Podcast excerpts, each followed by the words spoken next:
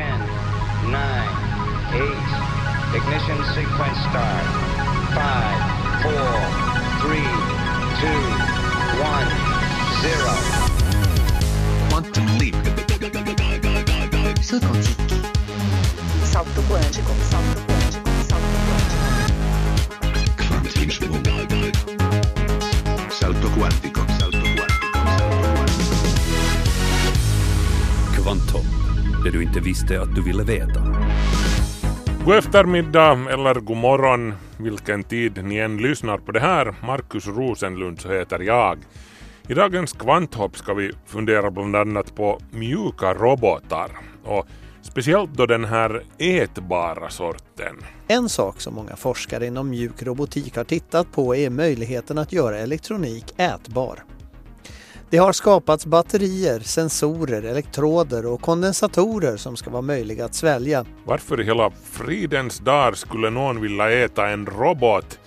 Jo, för att läkaren ska kunna ta en titt inuti oss med den fjärrstyrda lilla robotens hjälp. Hör mer om det här i Kvanthopp idag. Så ska vi också se tillbaka på en klimatförändring som inträffade för 55 miljoner år sedan. En av de allra varmaste perioderna i jordens historia då det simmade krokodiler uppe vid Nordpolen och pytonormar klängde i träden i det som idag är Tyskland. Och vi ska hålla oss i det förflutna när vi ändå är ute och kör med tidsmaskinen. Vi ska också göra ett uppehåll i vikingatiden. Visste du att vikingarna tog intryck från araberna och från islam? Det här framgår ur gamla tygfynd ur vikingagravar. Textilarkeologen Annika Larsson vid Uppsala universitet. Eh, och samtidigt som vi hittar ibland lite kors i någon grav i Birka till exempel och säger att man har varit influerad av kristendomen och det är inget kontroversiellt i det. Men eh, om man hittar inskriptioner där det står Allah och Ali så bör man på samma sätt ha kunnat vara inspirerad av eh, eh islam. Notiser på kommande alldeles strax. Då ska vi bland annat avslöja hur mycket guld som schweizarna spolar ner i toaletten varje år. Det är inte lite kan jag avslöja.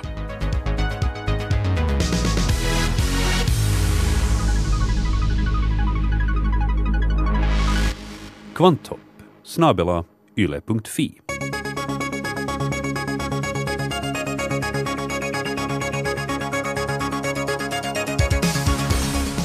Varje år spolar schweizarna ner guld i kloaken till ett värde av cirka 1,3 miljoner euro och ungefär lika mycket i silver. Inalles 2,6 miljoner euro i värdemetaller som hamnar bland bajset med andra ord. Nej, det är inte smycken vi talar om här utan till en stor del handlar det om restprodukter från landets guld och silverraffinaderier. Men också hushållen bidrar med en viss andel.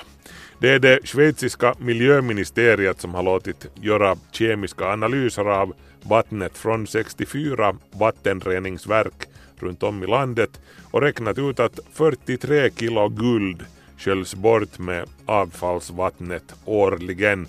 För att inte tala om tre ton silver och otaliga ton av sällsynta jordartsmetaller. Men om någon nu tänker sig att packa ner snorkeln och grodfötterna och boka en resa till Schweiz så glöm det. Att återbörda de värdefulla metallerna skulle bli mycket dyrare än värdet på själva metallerna. Plus att vem vill på riktigt sila åtskilliga kubikkilometer med avloppsvatten? Problemet för den som vill ha en elbil är ju naturligtvis det glesa laddarnätverket. Risken för att bli strandsatt vid motorvägens kant med tomma batterier är uppenbar. Men nu föreslår amerikanska Amazon en lösning på det här. Faktum är att de har fått patent på sin idé som alltså går ut på en drönare som flyger omkring och laddar bilar. Det handlar alltså om en autonom drönare som söker upp bilar i behov av laddning och landar på taket där den sen kopplar upp sig och laddar batteriet. Bilen behöver inte ens stanna. Det här kan skötas medan bilen rör på sig. Åtminstone om man får tro Amazons vision. Enligt patentansökan ska det också gå att leverera traditionella bränslen på det här sättet. Eh, bilen sköter naturligtvis helt själv beställandet av påfyllningen via webben då batteriet eller tanken börjar närma sig tomt. Supervulkanen i Yellowstone i USA har potentialen att ladda upp för ett utbrott på mycket kortare tid än man hittills har trott. Hittills har man antagit att det skulle ta tusentals år för magmakammaren under Yellowstone att fyllas till den kritiska gränsen men enligt en färsk studie som presenterades på en konferens för vulkanologer i Portland i USA nyligen kan magmakammaren laddas så pass fort som på ett par årtionden. Eh, Yellowstone hade sitt senaste utbrott för 630 000 år sedan och då kastade supervulkanen ut närmare 390 kubikkilometer lava och aska över Nordamerika. Ett motsvarande utbrott idag skulle mer eller mindre ödelägga större delen av USA så det är förståeligt att man följer med vulkanens mullrande lite extra noggrant. Apropå vulkaner så visar en färsk studie från NASA att månen kan ha haft en atmosfär i solsystemets ungdom för mellan 3 och 4 miljarder år sedan och då uttryckligen på grund av vulkaner som spydde ut enorma moln av gas. Månen var vulkaniskt aktiv på den tiden, om det här vittnar de så kallade haven som vi ser där uppe idag. De är ju i själva verket gamla lavaslätter. Och tack vare vulkanerna så hade månen alltså också en atmosfär i början. Ingenting som skulle gå att andas dock, mestadels kolmonoxid och svavel och inte dröjde atmosfären kvar värst länge heller. På grund av att månens gravitation är så svag så avdunstade atmosfären ut i rymden på cirka 70 miljoner år, säger NASA-forskarna.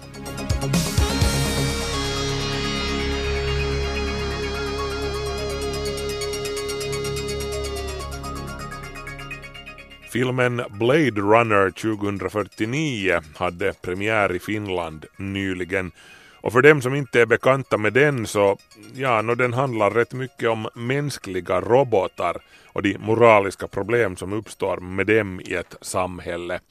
Eh, nå, vi är inte riktigt där ännu om vi säger så. Dagens robotar är inte riktigt så avancerade men nog så nyttiga ändå. Nu ska vi tala om en sorts robotar som man kanske inte skulle föreställa sig i en handvändning. Mjuk robotik är ett förhållandevis nytt fält inom robotutvecklingen. Fältet drar ofta inspiration från naturen och försöker att så långt som möjligt skapa robotar med följsamma, flexibla material. Förra året skapade den 3D-printade mjuka bläckfiskroboten Octobot rubriker när den lanserades av ett forskarlag vid Harvard University. Och vid flera andra universitet världen över arbetar andra på att skapa nya komponenter som exempelvis robotmuskler och olika metoder för att utveckla robotarnas användningsområde och kapacitet. En sak som många forskare inom mjuk robotik har tittat på är möjligheten att göra elektronik ätbar. Det har skapats batterier, sensorer, elektroder och kondensatorer som ska vara möjliga att svälja. Och de här komponenterna är ju till största delen vad en robot består av. Det som hittills har saknats är rörlighet. Och här tar professor Dario Floriano och hans team som arbetar för avdelningen Laboratory of Intelligent Systems vid forskningsinstitutet EPFL i Schweiz upp stafettpinnen. Dario Floriano och hans team har skapat en prototyp för ätbara ställdon eller aktuatorer som de också heter. Alltså en anordning som används för att styra en mekanism eller ett mekaniskt system. De här prototyperna de ser ut som avlånga segmenterade korvar eller larver och styrs med pneumatik. Man styr dem alltså med hjälp av lufttryck. De böjer sig när luft pumpas in och rätar ut sig när trycket minskar. Liknande aktuatorer finns redan och används till exempel för att hantera frukt utan att de tar skada i butiker. Men medan de är gjorda av olika sorts plaster ska Florianos ställdon kunna sväljas och sedan brytas ner naturligt i kroppen. De är nämligen gjorda av gelatin. Vid en studie som gjordes 2015 tog en forskargrupp i Fria universitet i Bryssel fram material för robotar som vid sprickbildning kunde hettas upp och hela skadorna på sig själv och återuppta sin funktion utan synliga nackdelar. Och de här nya gelatinbaserade delarna från Florianos team borde ha samma fördelar.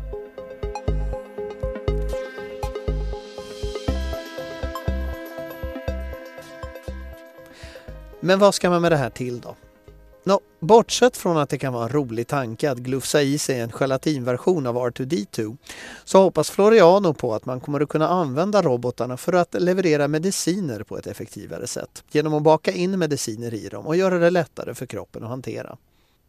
Det existerar redan olika varianter av robotar som kan leverera information åt läkare eller mediciner åt patienter. Men de här är i regel sådana som kräver kirurgiska ingrepp eller som bara har en enda funktion.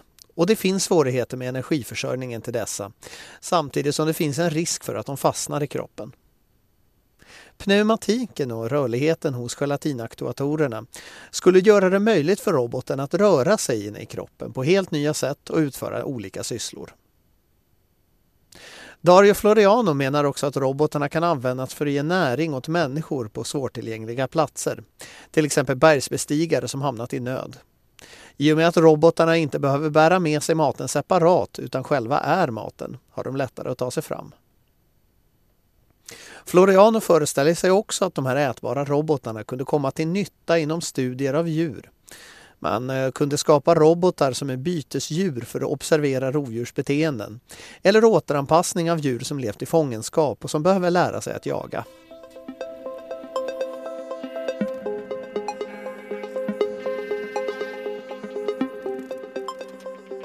Tanken på en framtid med mjuka robotar upptar inte enbart forskares fantasier. Det finns även firmor som exempelvis Super Releaser i Brooklyn i USA som har tagit som sin uppgift att försöka bistå de här forskarna och andra entusiastiska med praktisk hjälp för att underlätta de mjuka robotarnas intåg i vår vardag. Bland annat har man funderat på smakfrågan. Vad ska egentligen en ätbar robot smaka? Gelatin i sig är inte det mest aptitliga men med hjälp av kockar, kemister och andra specialister så kan det mycket väl hända att vi så småningom får svälja robotar som smakar saltlakrits eller kanske en pasta carbonara. Och om det känns underligt att tänka sig att äta en robot så kanske man kan trösta sig med att det försvar man behöver när robotapokalypsen kommer är kniv, gaffel och en hälsosam aptit. Framtiden går framåt, vad kan man säga, ibland på oväntade vis. Reporter var Thomas Silén. Det här är Yle Vega. Och nu, spänn fast säkerhetsbältet för nu kör vi tidsmaskinen 55 miljoner år bakåt i tiden. Kvanthopp, det du inte visste att du ville veta. Ja men klimatet, det har ju alltid förändrats. Istider och annat kommer och går, inget konstigt med det. Den här sortens prat stöter man på med jämnan numera. Det är helt naturligt. Nå jo, det stämmer ju i och för sig att klimatet alltid har varierat. Men då glömmer vi att också naturliga klimatförändringar kan vara extremt dramatiska och innebära rena domedagen för en stor del av livet på jorden. Men det finns ju också arter som utnyttjar de dramatiskt förändrade förhållandena. Den enes död, den andres bröd. Vi människor är ättlingar till ett sådant gäng av opportunister från urtidens djup. Vi kommer till det alldeles strax. Vi har hur som helst all orsak att respektera det nyckfulla klimatmaskineriet och att ta all lärdom som vi kan från forna tiders klimatförändringar det kan betyda skillnaden mellan liv och död för oss i framtiden. Med allt prat om global uppvärmning numera så glömmer man lätt att vi trots allt fortfarande lever mitt i en istid med istecken på bägge poler. En köldanomali i jordens långa och rätt så varma historia. Och hur vi än värmer upp klimatet idag så lär vi inte få uppleva någonting som kommer ens nära den ångbastu som jorden var för cirka 55 miljoner år sedan. Då svettades livet på jorden under den geologiska perioden med det inte värst säljande namnet PETM, PETM, Paleocene Eocene Thermal Maximum. Vi talar om en global medeltemperatur på nästan 10 grader Celsius högre än idag och havsnivåer på omkring 70 meter högre än idag.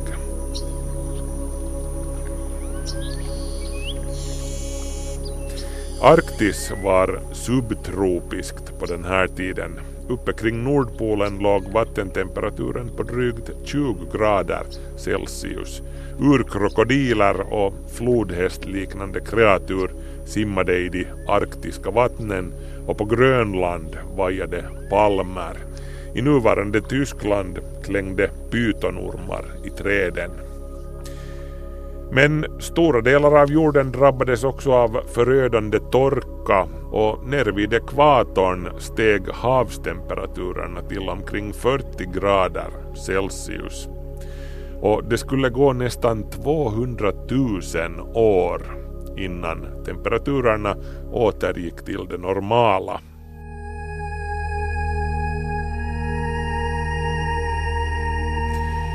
Kampen om världsherraväldet var i full gång under den här tiden.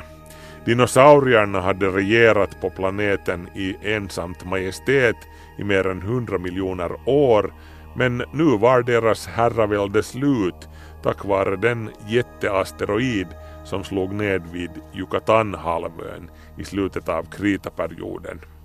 Tronföljarna som nu steg fram var å ena sidan våra förfäder, däggdjuren och å andra sidan fåglarna, ättlingarna till dinosauriesläktets bevingade gren. Det var en gryningstid speciellt för de varmblodiga däggdjuren som anpassade sig hyfsat väl och då de nu slutligen var kvitt dinosauriernas skugga inledde de sitt segertåg i den nya heta och fuktiga världen.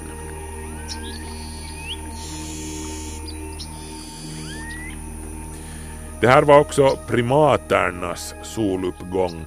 Det är i den här tiden som vårt mänskliga släktträd har sina djupaste rötter. Det har också hästarnas, vars tidigaste förfader uppträdde kring den här tiden. Också sådana djur som kameler, giraffer, getter, valar och delfiner existerar uttryckligen tack vare den här perioden då jorden förvandlades till en ångbastu. När hettan anlände kom den till en färdigt kvalmig värld. Jorden hade varit tropiskt varm och fuktig och så gott som helt isfri redan långt innan värmetoppen under PETM. Temperaturerna hade stigit gradvis mot slutet av paleocen men världen stod nu inför en global värmebölja av aldrig förr skådade proportioner. Exakt vad det var som utlöste det hela är det ingen som vet men analyser av sediment från den här tiden avslöjar att stora mängder koldioxid frigjordes i atmosfären och i havet under en relativt kort period. Mängden koldioxid i atmosfären som redan mot slutet av paleocen låg kring 1000 partiklar på miljonen steg relativt snabbt till mellan 2000 och 3000 partiklar per miljon Dagens nivå är då cirka 400 partiklar på miljonen. Här är det förresten värt att notera att en inom citat relativt kort tid i det här fallet betyder omkring 20 000 år. Eh, takten med vilken vi pumpar ut koldioxid i atmosfären just nu är mångdubbel jämfört med den inledande fasen av PETM. Tillförseln av koldioxid i atmosfären var cirka 6 miljarder ton per år under början av PETM. Vi pumpar just nu ut mer än 30 miljarder ton koldioxid varje år. Kraftfulla och långvariga vulkanutbrott på Grönland spelade säkert en roll för den ökade koldioxiden under PETM. Ehm, Grönland höll vid den här tiden på att slita sig loss från den nordamerikanska kontinenten.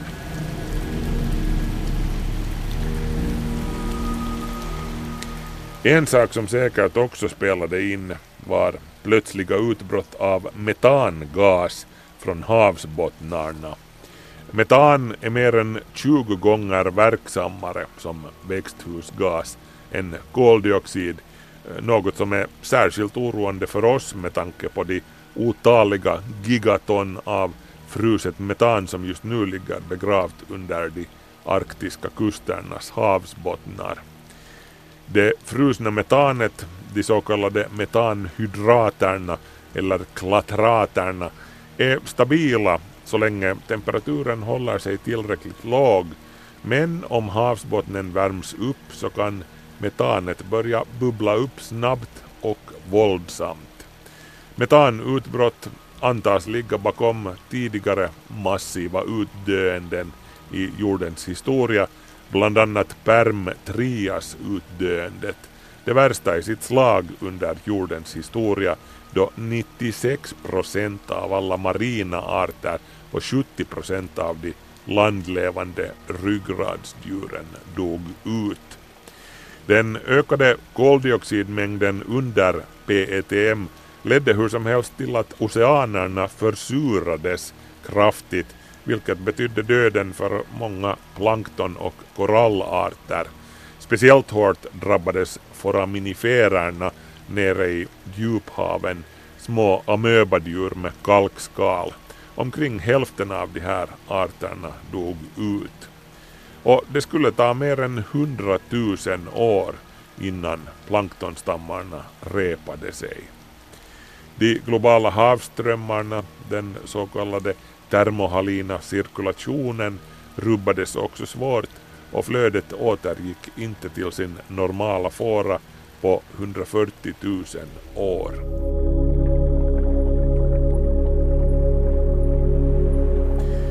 Tidsperspektivet i det hela är onekligen fascinerande och inte så lite skrämmande.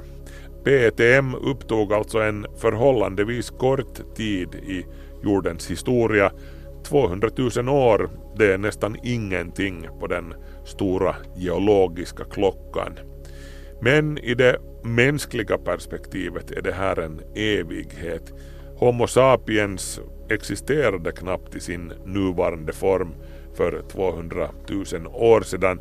Vi har idkat jordbruk i mindre än 10 000 år. Vår kultur är till och med yngre än så.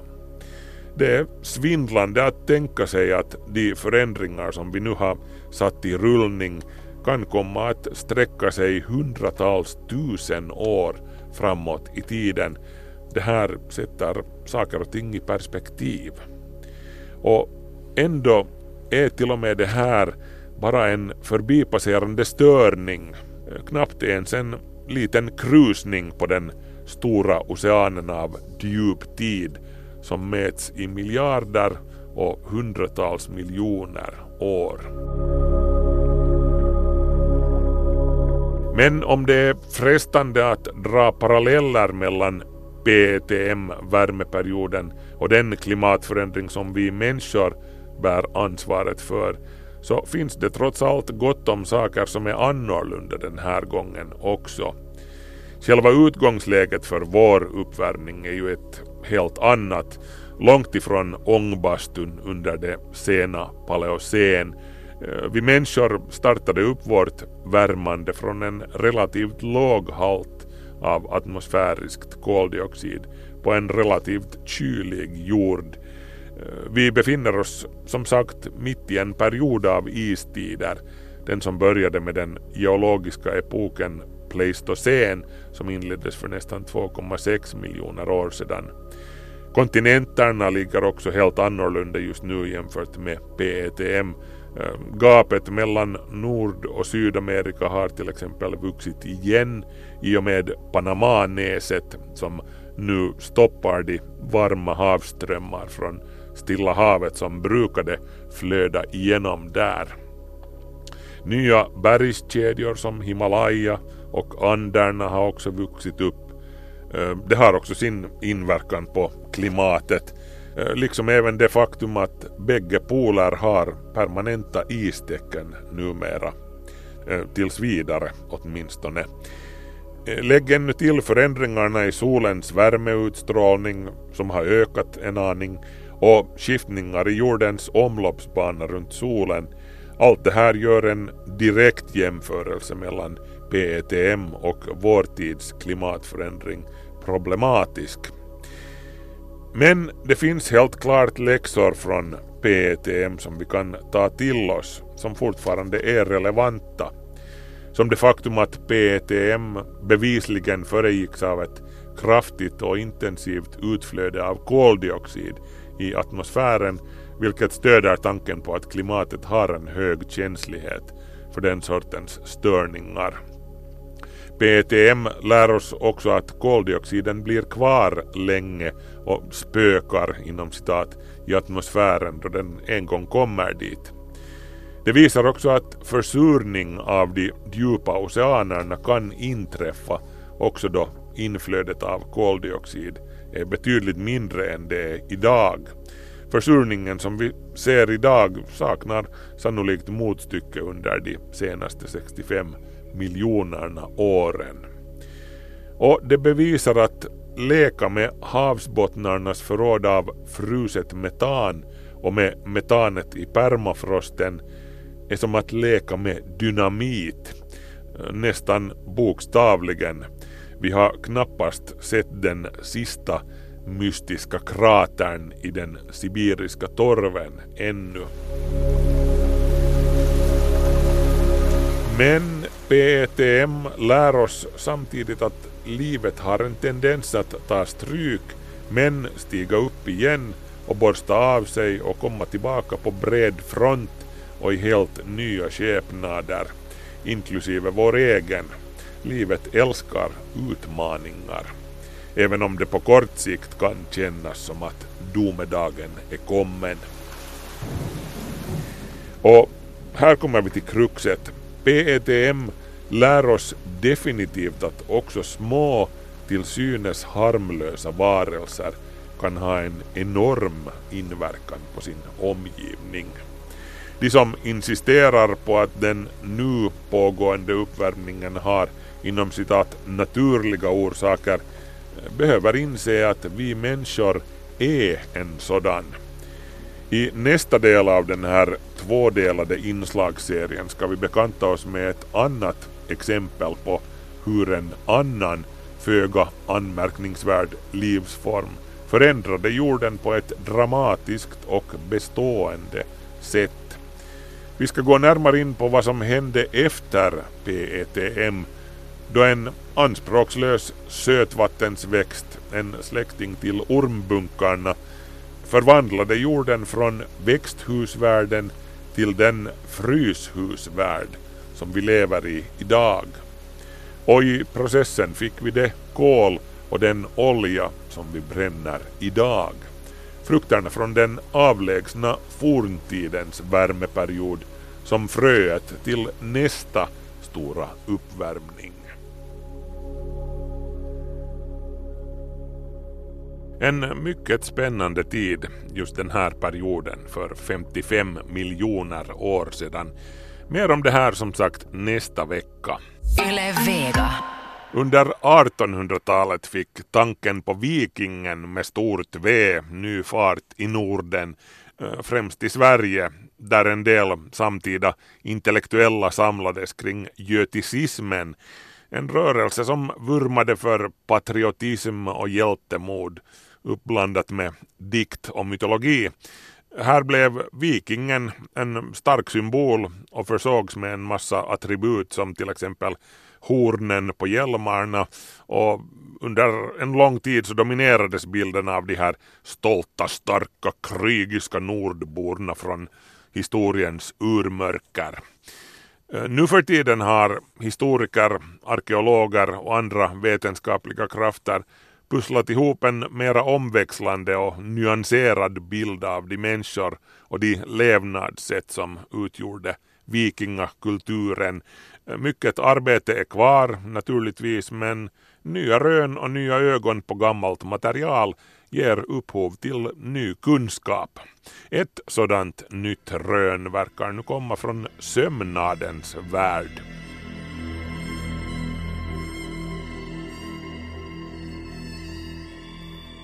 Textilarkeologen Annika Larsson vid Uppsala universitet tillbringar mycket tid med att titta på innehållet i vikingagravar för att se vad de döda klädde sig i.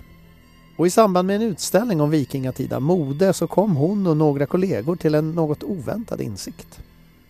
I samband med att jag för ett år sedan, förra sommaren, var i London och höll en föreläsning om eh, den vikingatida kvinnodräkten eh, hos en kvinna som hade arrangerat ett stort seminarium Eh, så uppdagades det att hennes sidentyger som hon jobbade med, de var precis likadana som de sidentygerna som jag har då i mina gravar, om man får kalla dem för mina.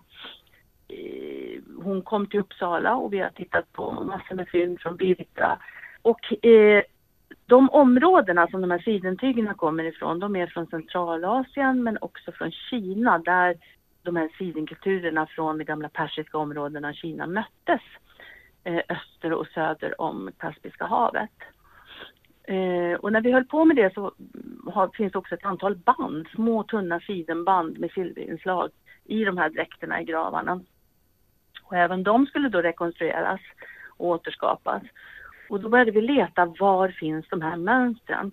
Och då ytterligare igen så hamnade vi i Centralasien. Och i letandet så hittade vi då gravmonument och mausoleer där de har precis samma typer av tecken eller mönster som i de här banden. Och det var på den vägen det här uppdagades att de här banden ser precis likadana ut. Som delar, det är som om man har tagit remsor från de här mausoleernas torn och mosaiken i tornen. Och det är grav, jag ser det som att det är gravkläder och det här är gravmonument. Så att någon slags koppling finns det mellan de här områdena och de här mönstren. Vikingar fick med sig mycket sidenkläder i döden och mönstren vävda i dem påminner mycket om mönster i Mellanöstern. Men det i sig är inte så förvånande. De handelsresande vikingarna tog ofta med sig både arabiska mynt och varor från områdena de besökte. Så att persiskt eller kinesiskt siden skulle ha hamnat i en förmögen vikings grav är ju inte så underligt. Det nya är att eh, det påminner så otroligt starkt om den här mosaiken så att eh, jag tänkte att det skulle kunna vara samma typ av tecken. Eh, och har verkligen suttit och jämfört eh, för att förstå och ser att det är samma typ av tecken. Vi har eh, diskuterat och diskuterat det här och har eh, sakta men säkert förstått hur de här tecknen ska läsas. För att på mausoleerna så skriver man ofta då Mohammed och Allah och Ali. Och så ser jag nu att de tecknen finns faktiskt i de här banden, men spegelvända. De finns också rättvända, men det häftigaste var ju när man upptäckte att de var spegelvända och det faktiskt blir eh, ord som, som Allah när man sätter en spegel till dem. Och då var min tanke att de kan ju inte komma direkt därifrån då eftersom de är spegelvända om det inte är någon slags eh, hemlig skrift. Eh, men det säger man i de områdena att så, så, används inte skriften. Och då är en häftig tanke att om de skulle vara tillverkade här, de här banden, eh, eller kanske i Ryssland någonstans, och att man då ska läsa de här tecknen från vänster till höger istället som för arabiskan från höger till vänster. Eh, och sätter man en spegelbild så står det verkligen Allah och Ali och så vidare, precis som i de här mausoleerna. Och läser man i arabiska källor som Ibn Fadlan som skrev en, en samtida beskrivning i början på 900-talet om de här rusernas, eller vikingarnas begravningstraditioner eh, längs floden Volga. Eh, då skriver han också att man sydde kläderna. Det tog tio dagar att iordningställa och sy ihop de här kläderna för begravningen. Att den döde begravdes då inte i sina vardagskläder utan man tillverkade speciella begravningskläder. Enligt Annika Larsson skulle förekomsten av arabiska tecken på sidenkläderna i sig inte betyda att de inte kan vara en handelsvara. Men det finns indikationer på att de här kläderna syddes upp till särskilda tillfällen, som just en begravning, och på ett för Mellanöstern icke-typiskt sätt. Vilket skulle tyda på att man gjort sin egna tolkning av dem. Och även konstföremål i vikingagravar har detaljer som enligt Larsson borde ha annat ursprung än Nordens urskogar när man tittar på såna här små valkyriefigurer eh, som finns från Skandinavien och de finns på många ställen. Så många av dem har då typiska sidenmönster i sina kläder. Så att eh, jag har en valkyria till exempel från Bornholm som har de, de sidenmönstren som finns i hennes mantel eller släpet. Det kan bara komma från gamla persiska områden eller centralasien i postsassanidiska mönster. Och bortsett från själva klädessederna och mönster som kan ha arabiska influenser spekulerar Annika Larsson även i om kontakten med Mellanöstern även gjort intryck på vikingarnas seder och bruk, till exempel uppfattningen om livet efter detta. Och jag tänker mig nu efter att ha tittat ganska mycket på det här att sådana mängder sidentyg som det finns i de här gravarna och ihop med de här banden så tänker jag att det finns en tanke om paradiset eh, det eviga livet i paradiset. Och en indikator för det, det är också att det i samma grav som vi pratade om eh, i Gamla Uppsala så ligger det en tupp. Och i berättelser från de här områdena så berättar man att, också Ibn Fadlan, att den här kvinnan som ska begravas då, hon får med sig en eh, tupp som hon eh, river huvudet av och kastar iväg och då eh, gal tuppen vilket då skulle vara en symbol för det eviga livet. Och det är precis de, eh, de tankarna som finns i, eh, i de här gravarna. Och där pratar man också om paradiset och så vidare. Jag tror att man har en speciell rit för, som man också samtidigt influeras av både kanske kristendom och islam. Så att de kontakter de är, som finns, de, är helt, de måste vara helt integrerade. Eh, och samtidigt som vi hittar ibland lite kors i någon grav i Birka till exempel och säger att man har varit influerad av kristendomen och det är inget kontroversiellt i det. Men eh, om man hittar inskriptioner där det står Allah och Ali så bör man på samma sätt ha kunnat vara inspirerad av eh, eh islam. Annika Larsson och hennes kollegors rön har fått en del uppmärksamhet, både av andra historie och arkeologikollegor och medier, men även av andra som inte är helt nöjda med hennes nytolkning av vikingakulturen. Det negativa som har kommit det är från främlingsfientliga strömningar, utan undantag. Det är, alltså det är helt, mm, det är det muslimska. Jag tycker inte jag vill ge mig in på exakt vad de säger men det är, det är inte trevliga saker i alla fall och det jag tycker det är jättetråkigt att det är så. Det positiva överväger. Och där skulle jag verkligen vilja peka på att det här är ett gemensamt kulturarv som vi har haft ända fram till slutet av 900-talet under vikingatiden samtidigt som de arabiska mynten kommer in hit. Artiklar om de potentiella kopplingarna mellan islam och vikingatraditionerna har upprört folk på den politiska högerkanten och andra som har haft en viss stolthet i att ha vikingarna som en slags inom citattecken ren symbol för det urnordiska.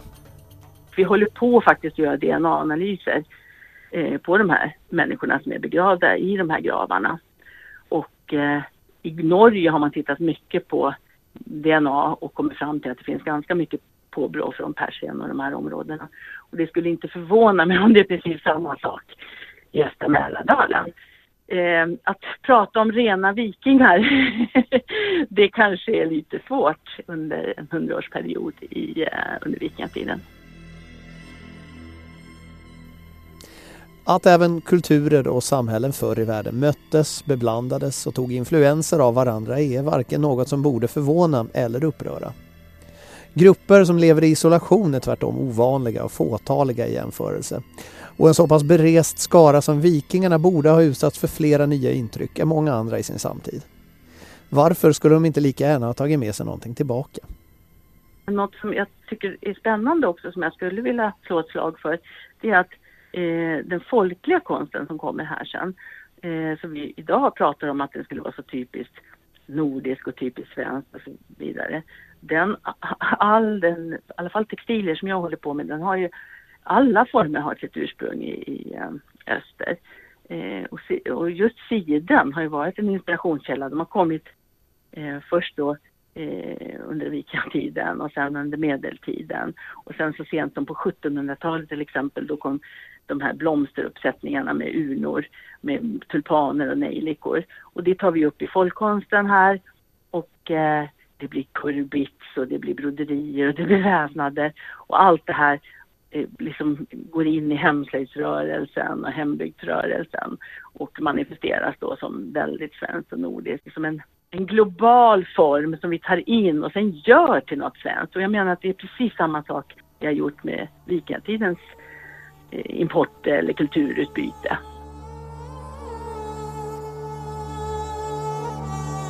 Reporter i det inslaget var Thomas Silén. Kvanthopp. Det du inte visste att du ville veta. Vi hörs igen om en vecka. Markus Rosenlund heter jag. Hej så länge.